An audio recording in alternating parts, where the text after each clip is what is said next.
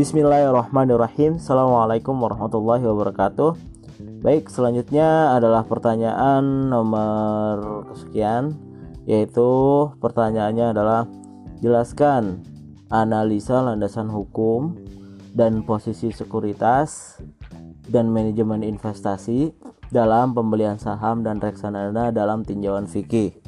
Yang pertama yang akan kita bahas adalah landasan hukum. Landasan hukum dari saham itu tentu memiliki landasan yang harus dikaji. Yang pertama, dasar hukum pertama adalah Al-Qur'an, Al-Hadis, yang kedua adalah Al-Hadis, yang ketiga adalah ijma ulama.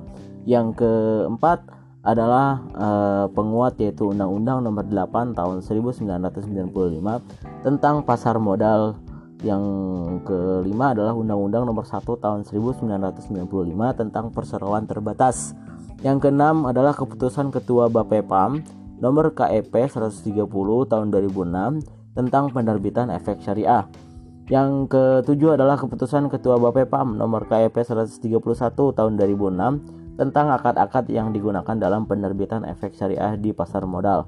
Lalu yang ke 9, yang ke-8 adalah fatwa DSN MUI nomor 20 tahun 2000 yang membahas tentang pedoman pelaksanaan investasi untuk reksadana syariah.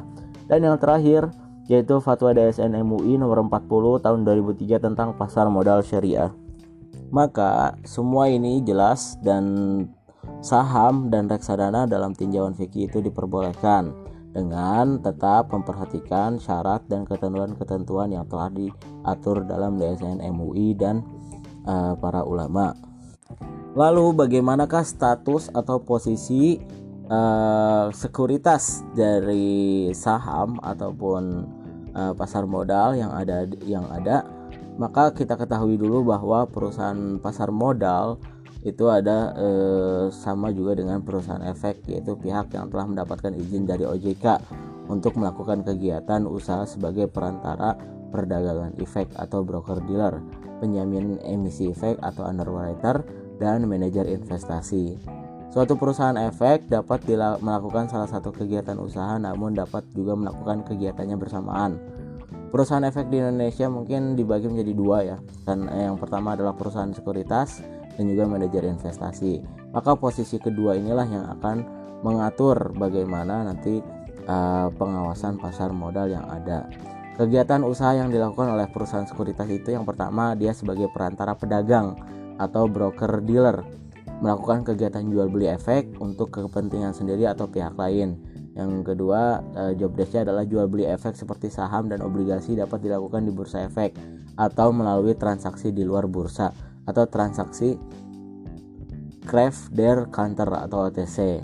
Lalu yang kedua, usaha yang dilakukan oleh uh, posisi sekuritas adalah penjamin emisi efek atau underwriter membantu calon emiten dalam melaksanakan penawaran hukum saham eh, penawaran umum saham initial public offering dengan atau tanpa kewajiban untuk membeli sisa efek yang tidak terjual. Lalu job desk yang kedua istilah penawaran umum saham juga dikenal masyarakat dengan nama go public.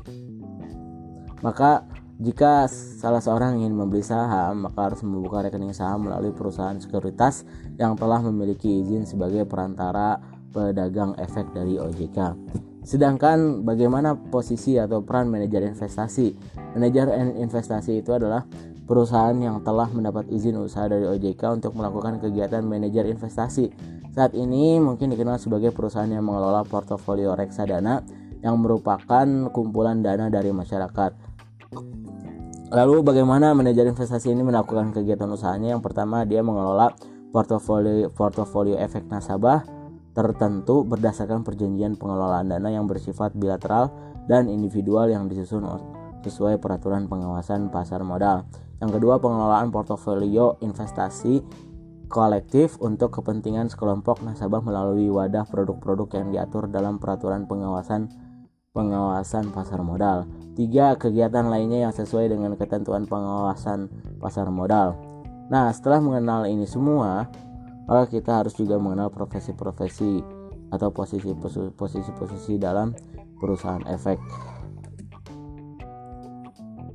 Dan semua ini telah diatur dalam fatwa DSN MUI Uh, salah satunya yang pertama ada DSN MUI nomor 20 tahun 2001 tentang pedoman pelaksanaan investasi untuk reksadana syariah. Yang kedua, Fatwa DSN MUI nomor 40 tahun 2003 tentang pasar modal dan pedoman umum penerapan prinsip syariah di bidang pasar modal. Yang ketiga, Fatwa DSN MUI nomor 80 tahun 2011 tentang penerapan prinsip syariah dalam mekanisme perdagangan efek bersifat ekuitas di pasar reguler bursa efek. Maka semua ini posisi landasan hukum, sekuritas, manajemen investasi itu juga uh, sudah diatur dalam fatwa dan DSN MUI. Itu saja mungkin yang bisa disampaikan pada nomor uh, eh, 14. Terima kasih. Assalamualaikum warahmatullahi wabarakatuh.